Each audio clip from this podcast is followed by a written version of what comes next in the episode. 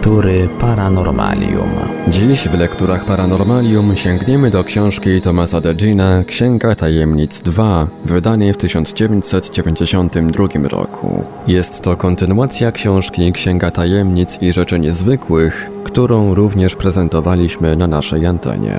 Ciekawie ujęty zbiór zagadkowych zdarzeń i rzeczy niezwykłych. Domy widma, studnia z nieznanego metalu, potwory z Akambaro, tajemnica ludzi w czerni, żywe dinozaury, nawiedzona plebania, niesamowite obiekty podwodne, elektryczny duch z Rosenheim oraz kilkadziesiąt innych niepokojących i tajemniczych faktów. Książkę na naszej antenie prezentujemy w odcinkach w całości.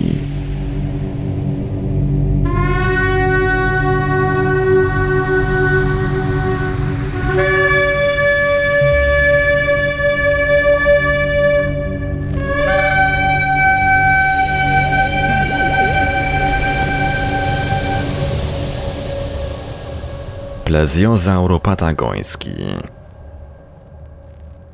Plezjozaur, słodkowodny plezjozaur, krzyknął Summerly, że też dożyłem takiego widoku. Drogi profesorze Challenger, jesteśmy najszczęśliwszymi z zoologów, jacy żyli na świecie. Tak pisał w świecie zaginionym Arthur Conan Doyle, zafascynowany odkryciami pułkownika Fawcetta. Jak zdążyliśmy się przekonać, potwór z Loch Ness nie stał pierwszy w kolejce do sensacyjnych doniesień prasowych. Nie on też pierwszy ściągnął na siebie uwagę całego świata. 11 lat wcześniej, w roku 1922, gazety na wszystkich kontynentach, nie wyłączając czcigodnego Timesa, donosiły o poszukiwaniu plezjozaura patagońskiego. Ponieważ jednak chodziło o plezjozaura oraz dotyczyło to Patagonii, nikt nie brał tego poważnie. Patagonia już wówczas cieszyła się opinią siedliska dziwacznych bestii. Jest to dziki, niegościnny, najbardziej na południe wysunięty region Ameryki Południowej. Jest też bardzo słabo zaludniony, a niektóre jego części do dziś pozostają prawie nieznane. Po prostu miejsce, z którego od czasu do czasu nadchodzą osobliwe pogłoski. Dotyczy to zresztą również i innych stron Ameryki Południowej, jednak w wypadku Patagonii naukowcy podchodzą do tych informacji bardzo ostrożnie, a wszystko z winy wielkiego leniwca, czyli Megatherium. Leniwiec jest dobrze znanym zwierzęciem, które spędza życie zwisając głową w dół z gałęzi drzew, co nie jest zajęciem zbyt męczącym. Wielki leniwiec natomiast to stworzenie prehistoryczne, które żyło na ziemi. Mierzyło 4,5 metra wzrostu, a pod pokrytą długim włosem skórą miało wrośnięte kostne płytki, które opancerzały całe zwierzę. Pierwsze szczątki leniwca odkrył i opisał w 1789 roku baron Georges Cuvier, słynny francuski anatom. Już samej przyczyny jego zagłady trudno byłoby dociec. Pisał Cuvier. Jeśli jednak ono żyło, to w jaki sposób umknęło myśliwym i przyrodnikom? Koniec cytatu. Cuvier bynajmniej nie zabiegał o odpowiedź na to retoryczne pytanie. Najwyraźniej zwierzę takie już nie istniało. Jednak w legendach miejscowych Indian Tehuelke było coś niezwykle do leniwca podobnego. Ogromny, odporny na strzały potwór, który harmonizował z opancerzonym megaterium lub, jak go ostatnio nazywają, mylodonem.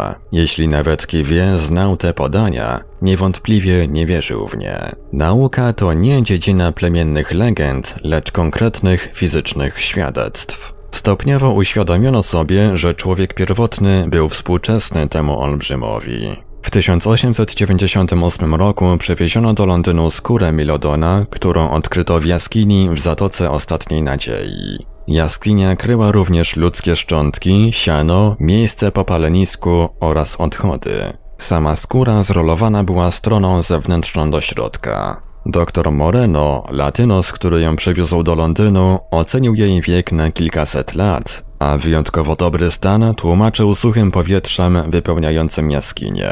Jednak naukowcy z Londyńskiego Towarzystwa Geologicznego mieli co do tego wątpliwości. Sir Arthur Smith Woodward twierdził, że skóra jest stosunkowo świeża, gdyż zachowała miękkość. W tej sytuacji zrodziło się pytanie, czy należy przyjąć, że wielki leniwiec żyje jeszcze gdzieś w patagońskich lasach. Są powody, by sądzić, że tak. Kilka lat wcześniej o spotkaniu ze zwierzęciem bardzo podobnym do Milodona zameldował wybitny polityk i badacz w jednej osobie Ramon Lista. Oddał on w jego kierunku kilka strzałów.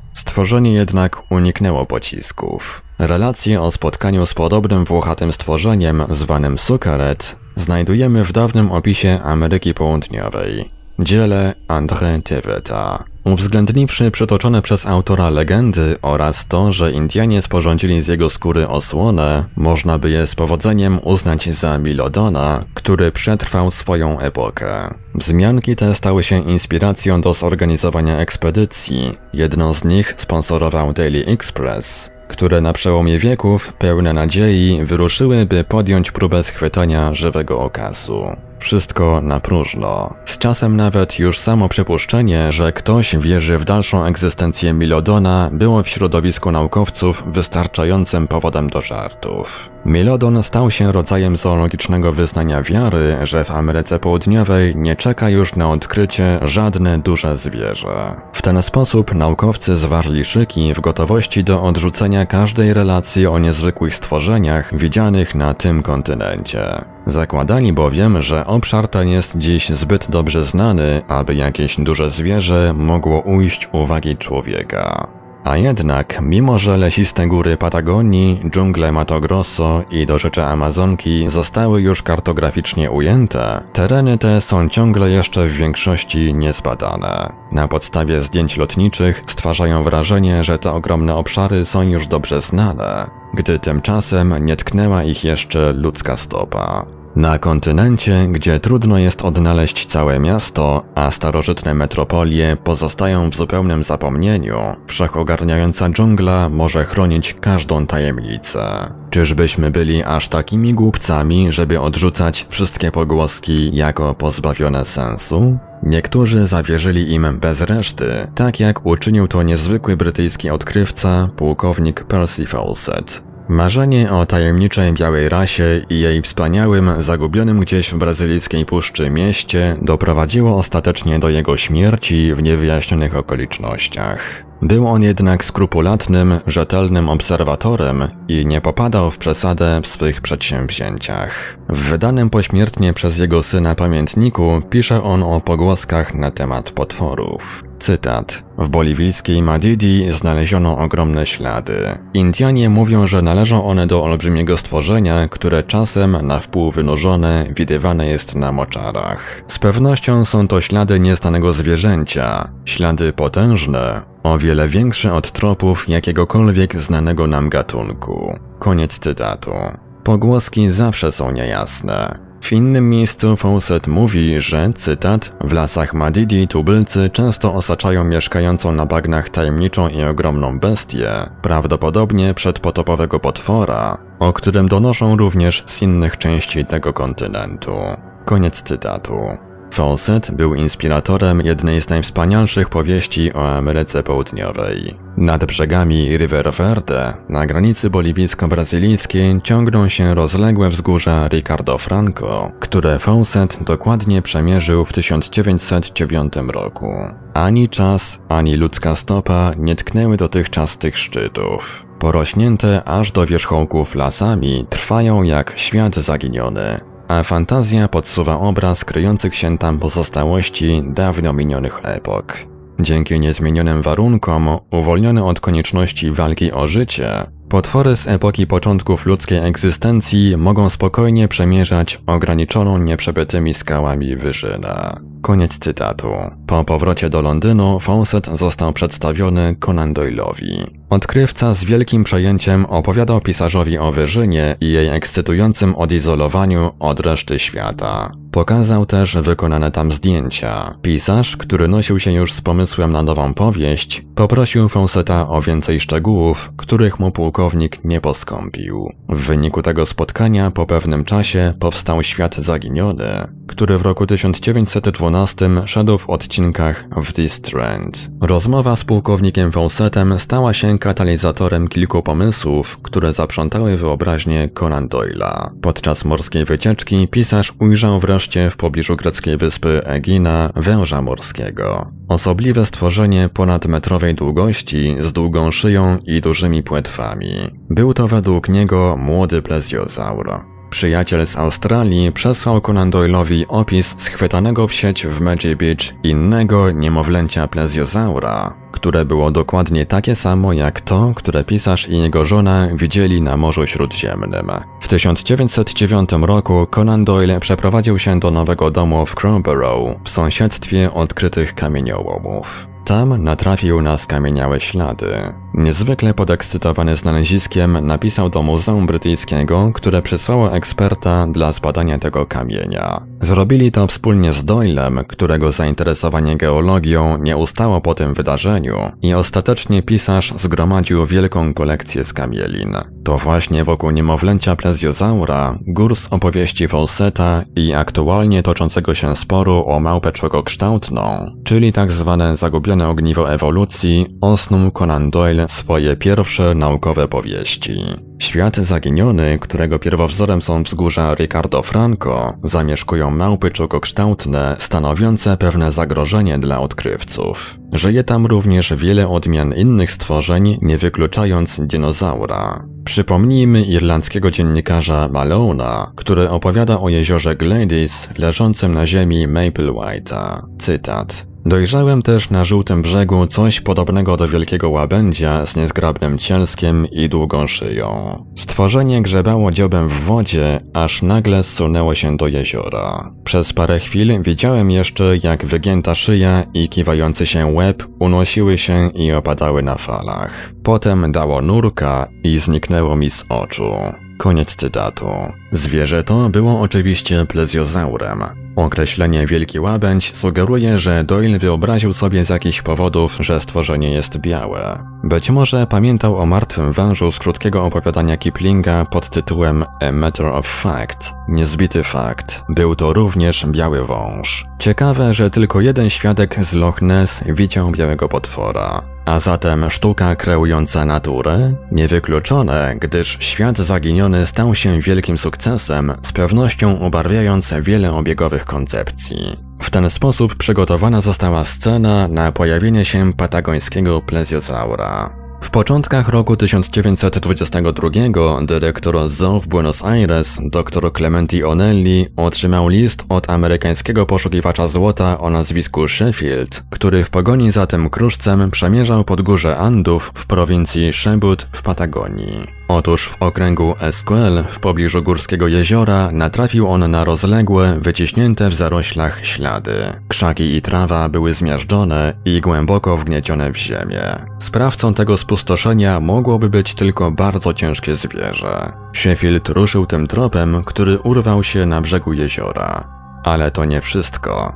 Cytat na środku jeziora dostrzegłem zwierzę o silnej łabędziej szyi, którego ruchy pozwalały się domyślać kształtu ciała zbliżonego do krokodyla. Koniec cytatu.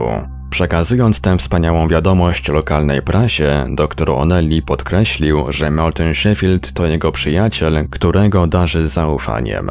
Cytat. Nie jest on wprawdzie naukowcem, ale nie mam najmniejszych wątpliwości, że tak jak twierdzi, widział on pływające po jeziorze okazałe i dziwne zwierzę o łabędziej szyi. Koniec cytatu.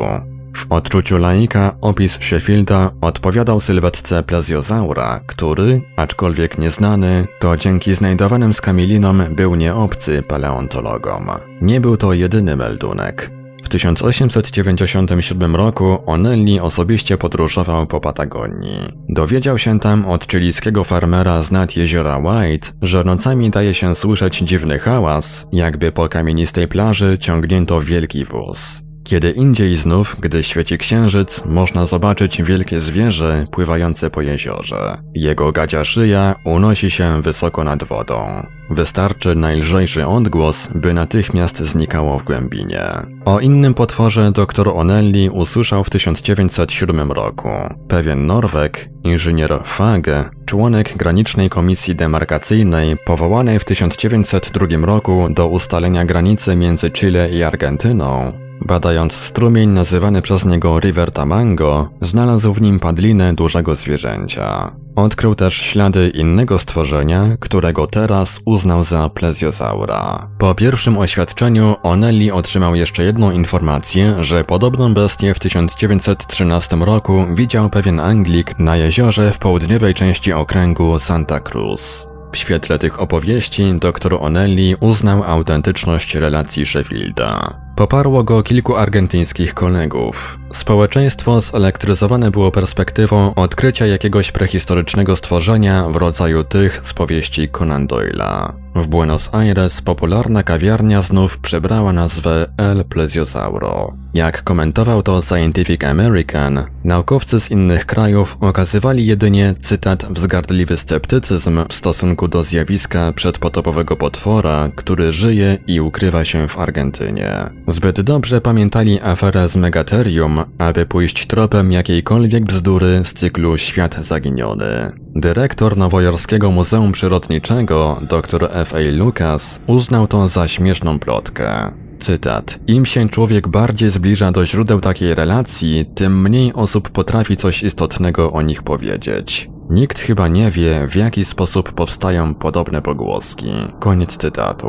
A tego właśnie postanowił dociec Onelli. New York Times z 16 marca doniósł, że źródłem tych pogłosek jest według Onellego glitodon, czyli gigantyczna odmiana pancernika. Gazety wszakże prześcigały się w domysłach na temat potworów, zupełnie lekceważąc ich tożsamość. Onelli sądzi, że andyjski plezjozaur może być pancernikiem, czyli nowym megaterium.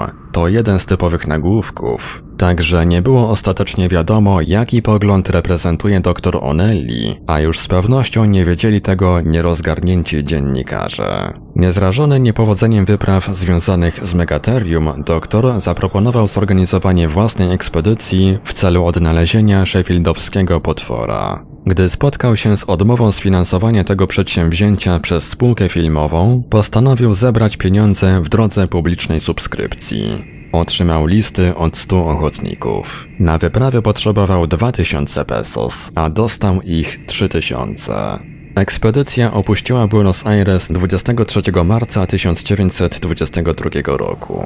Kierowali nią José Sihagi, nadinteligent zwierzyńca w Buenos Aires oraz argentyński inżynier Emilio Frey, który przed 20 laty jako członek argentyńsko-chilijskiej komisji granicznej doskonale poznał prowincję Szebut. Ekspedycja nie miała oczywiście na celu znalezienia nieśmiertelnego plezjozaura, lecz jego potomka o długości 4 metrów, który prawdopodobnie małą kolonią zamieszkuje to jezioro. Uczestnicy wyprawy zaopatrzeni byli w strzelby na słonie, lassa oraz dynamit do zaminowania jeziora. Grupa podążyła drogą morską do Maquen, potem ciężarówką do Baryliosze, a następnie konno dotarła do prowincji Szebut. Zdecydowano, że jeżeli sześć tygodni nie przyniesie pozytywnego wyniku, wyprawa ruszy w dalsze, jeszcze dziksze części tego terytorium. Byli jednak w Argentynie ludzie, których wyprawa zirytowała. Przewodniczący Towarzystwa Ochrony Zwierząt, dr Albarin, zażądał od ministra spraw wewnętrznych, aby ten, na podstawie ogólnokrajowego zarządzenia nr 2786, które reguluje sprawy polowań na rzadkie gatunki zwierząt, odmówił wydania zezwolenia na organizację wyprawy. Jeśli bowiem ów plezjozaur rzeczywiście istnieje, to według Albarina powinien być tą ustawą objęty. Zabranie ona polowań na tego rodzaju stworzenia. Ileż to szacunku zyska sobie w świecie kraj, który swym własnym pleziozaurom nie będzie przeszkadzał w swobodnym rozmnażaniu się. Żarliwy opór doktora Albarina jeszcze bardziej rozbawił międzynarodowe środowisko naukowe. Gdy ekspedycja znalazła się już w głębi kraju, powstało pewne zamieszanie wokół problemu zezwoleń. Gubernator Szebutu przyznał, że nie ustanawiał żadnego zakazu polowań na tego rodzaju zwierzyna. Jednak dalej, w Kariga, uważano, że taki zakaz istnieje. Do czasu rozstrzygnięcia kontrowersji ekspedycję zatrzymano. Jak doniosła Chicago Tribune, wyprawa naukowców i niemal naukowców Koczując na pięknym pojezierzu w regionie zwanym Szwajcarią Argentyńską, rozkoszowała się wakacjami na koszt nauczycieli, listonoszy i robotników, których pieniądze umożliwiły zorganizowanie tej ekspedycji. Koniec cytatu. Po tej zdecydowanie cierpiej notatce przez następnych 10 dni panowała cisza, aż 26 kwietnia ogłoszono, że projekt okazał się nieudany, a grupa wraca do domu. Do jeziora, w którym Sheffield widział zwierzę, dotarli 18 października. Leży ono 80 km od najbliższego osiedla. Badacze wynajęli od walijskiego kolonisty łódź, którą wyposażyli w silnik przyczepny. Jezioro zostało dokładnie przeszukane. W nadziei wywabienia prehistorycznego stworzenia na powierzchnię, Frey odpalił 11 ładunków dynamitu. Nie pokazało się nic. Już w Buenos Aires dr Onelli potwierdził, że wyprawa zawróciła w kwietniu, jednak przyczyną nie było fiasko projektu, lecz zbliżająca się zima. Był on również pełen nadziei na odnalezienie plezjozaura w którymś z indyjskich jezior, w związku z czym następnego lata ruszyć ma kolejna wyprawa. I to byłoby właściwie wszystko. Jeśli nawet patagoński plezjozaur kiedykolwiek istniał, to prawdopodobnie umknął w niestanym kierunku. Poszukiwania patagońskiego plezjozaura przebiegały w wielkim zamieszaniu. Teraz można by podjąć próbę usystematyzowania tego, kto i co widział oraz gdzie się to działo. Sheffield zameldował o zwierzęciu w górskim jeziorze w pobliżu Esquel i tam też poszła wyprawa w 1922 roku. Sam Onelli podał, że w 1913 roku otrzymał od pewnego Anglika relację o podobnym zwierzęciu w położonym bardziej na południe Santa Cruz. Niewykluczone, że sprawozdanie to ma jakiś związek z poniższą historią. W kwietniu George Grant, wówczas mieszkaniec Toronto, opowiedział dziennikarzowi z The Globe o przygodzie, jaką wraz ze swym synem przeżył w 1910 roku na jeziorze Nahuel Huapi. Cytat.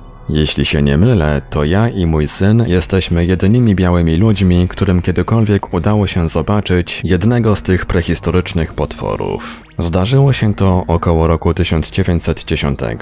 Jako pierwszy osadnik na półwyspie, wrzynającym się w przepiękne jezioro Nahuel Huapi, zostałem mianowany dyrektorem nowo powstałej spółki. W tym właśnie czasie przedstawiciel rządu dokonywał lustracji własności spółki, a ja i mój syn pilotowaliśmy jego zespół wokół dzikiego, nieregularnego wybrzeża półwyspu.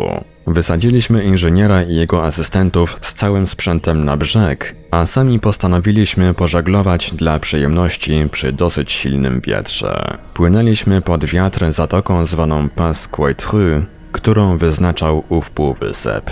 Miała około 8 km długości i 1,5 szerokości, głębokość zaś wciąż stanowiła niewiadomą. Kiedy byliśmy blisko skalistego brzegu półwyspu, tuż przed halsowaniem przypadkiem zerknąłem za rufę w kierunku środka jeziora. Tam, o jakieś 400 metrów, ku swemu wielkiemu zaskoczeniu ujrzałem obiekt, który mógł mieć 4,5 do 6 metrów średnicy i wystawał około 2 metrów nad wodę. Ponieważ nasza żaglówka pędziła właśnie równolegle i zaledwie w odległości kilku metrów od skał, mogłem temu poświęcić tylko przelotne spojrzenie.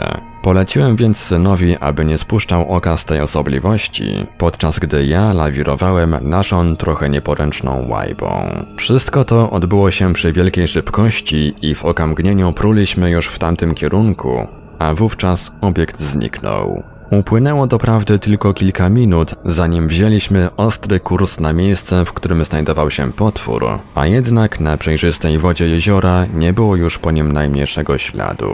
Gdy opowiedziałem o tym wydarzeniu sąsiadom, dowiedziałem się, że Indianie często snują opowieści o pojawiających się tu wodnych zwierzętach. Koniec cytatu. Pan Garrett wycisnął co mógł ze swej krótkiej przygody. Jego relacja zasługuje również na miejsce w archiwum. Gdy ekspedycja Onallego dotarła do Bariloche na brzegach Nahuel Huapi, jej członkowie usłyszeli pogłoski o innym jeszcze potworze San Martin de los Andes, leżącego nad jeziorem Lakar 240 km na północ. Wyprawa skręciła jednak na południe, a to dlatego, że o tamtym potworze nie słyszano już od wielu lat. Jezioro Lakar leży w południowo-wschodniej części południowych Andów w granicach Parku Narodowego w. Na wschodnim brzegu tego jeziora, 250 metrów nad poziomem wody, z widokiem na całe Lakar, stoi dom Berneya Dickinsona. Mieszkał on tam od końca lat 40.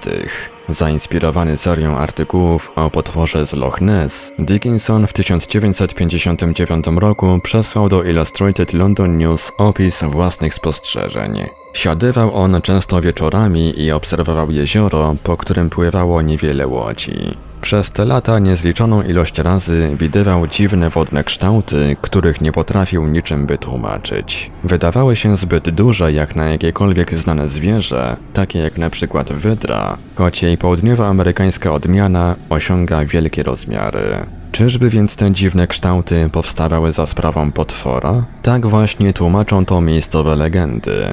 Aurakanie, miejscowi Indianie, zawsze wierzyli, że w tym jeziorze żyje potwór. Zwą go hiszpańskim imieniem Cuero, co znaczy skóra wołowa, którą owo zwierzę miało przypominać swoim wyglądem. Wypukłe, ciemne i chropowate. Nazywane jest ono również El Bien Peinado, czyli bezwłosy, ze względu na podobieństwo jego grzbietu do łysiny. Mamy też rutynowe opowieści o dziwnych śladach znajdowanych na brzegu oraz o resztkach posiłków potwora w postaci skóry, sierści i piór. Dickinson wspomina również o gauchos, którzy twierdzą, że widywali to stworzenie unoszące się po prostu na powierzchni wody w postaci wielkiego pojedynczego garbu o fakturze wołowej skóry a działo się to zawsze wieczorem. Podobne relacje znamy już z nad Loch Ness, kiedy się mówiło o kształcie wywróconej łodzi. W roku 1922 dziennikarz z Catalan, Fabia Vidal, przedstawił pogłoski o innych potworach z jeziora San Martin. Prawdopodobnie pomylił San Martin de los Andes z południowym jeziorem oraz z jeziorem Wiedma. Nie ma jednak żadnych relacji z tamtych stron. A oto sprawozdanie o wężu morskim. Komandor porucznik Bevilacqua, dowódca argentyńskiego statku Kevea, podczas pobytu w Filadelfii opowiedział dziennikarzowi New York Timesa 17 września 1922 roku, że on również widział na patagońskim wybrzeżu, cytat, dziwne i monstrualne zwierzę. Zdarzyło się to w 1906 roku, gdy jego statek przepływał przez cieśninę Magellana w odległości 450 metrów od brzegu podczas popołudniowej wachty komandora. Widoczność była bardzo dobra i nie sądzę, abym się mylił. Obserwowałem właśnie przez lornetkę zarysy brzegu, kiedy ujrzałem spadający z wysokiej skały do morza potężny oblodzony głaz. Chwilę później, w miejscu skąd spadł kamień, zauważyłem duże zwierzę, które patrzyło w moim kierunku. Miało psią głowę i szyję długości około 10 metrów. Nie był to żółw, bo żółwie nie mają takiej szyi. Jestem również pewien, że nie był to wąż, bo węże nie żyją pośród lodu i śniegu. Koniec cytatu. I nie był to w rzeczy samej plesiosauro. Niezależnie od przesadnie długiej szyi możemy mieć pewność, że ów oficer widział ssaka. W kwietniu 1905 roku kapitan statku Rhone, przygotowując się do opływania przylądka Horn, ujrzał u chilijskiego brzegu, cytat, łeb zwierzęcia nieporównywalnego z żadnym innym oprócz tych, które ozdabiają dzioby łodzi wikingów i wielkich dżonek na Nigrze. Koniec cytatu. Szyja jego wystawała z wody na wysokość zaledwie półtora metra, a za nią podążały, cytat, falujące ruchy ciała, które wydawały się bardzo długie. Koniec cytatu. Jest to druga z dwóch znanych relacji o wężu morskim przy tym południowoamerykańskim przylądku. Może rok wcześniej komandor Bevilacqua widział to samo zwierzę. Węże morskie odwiodły nas od właściwego celu łowów, jakim są potwory z jezior Patagonii. Amerykański ekscentryk Charles Ford, który zbierał relacje o wszelkich osobliwościach, po przeczytaniu w Scientific American o patagońskim plezjozaurze napisał do profesora Onellego. Ten odpowiedział, że słyszał ponownie o potworze, nie dysponuje jednak szczegółami na ten temat. Kilka lat temu, to znaczy przed wydaniem książki, którą właśnie prezentujemy na antenie Radia Paranormalium, do Onellego napisał też Bernard Evelmont, aby się dowiedzieć, jaki jest stan aktualnej wiedzy o zwierzęciu. Okazało się, że profesor od wielu już lat nie żyje. W 1956 roku wyruszyła druga ekspedycja badawcza z zamiarem rozpracowania potworów z prowincji Chebut, zorganizowana przez doktora Marinesco z Uniwersytetu w Kordobie.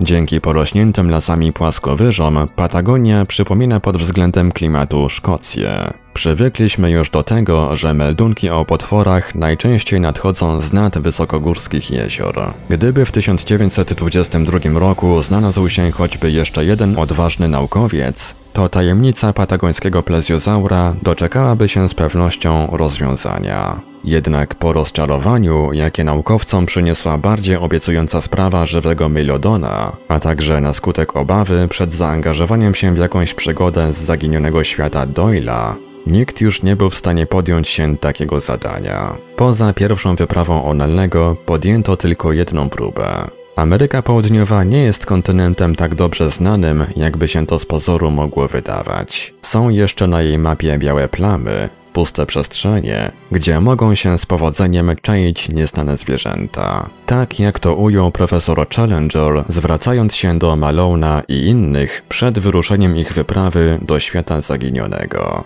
Cytat. Tu, w Mato Grosso, przesunął cygarem nad częścią mapy lub w tym kącie, gdzie zbiegają się granice trzech krajów, nic by mnie nie zadziwiło.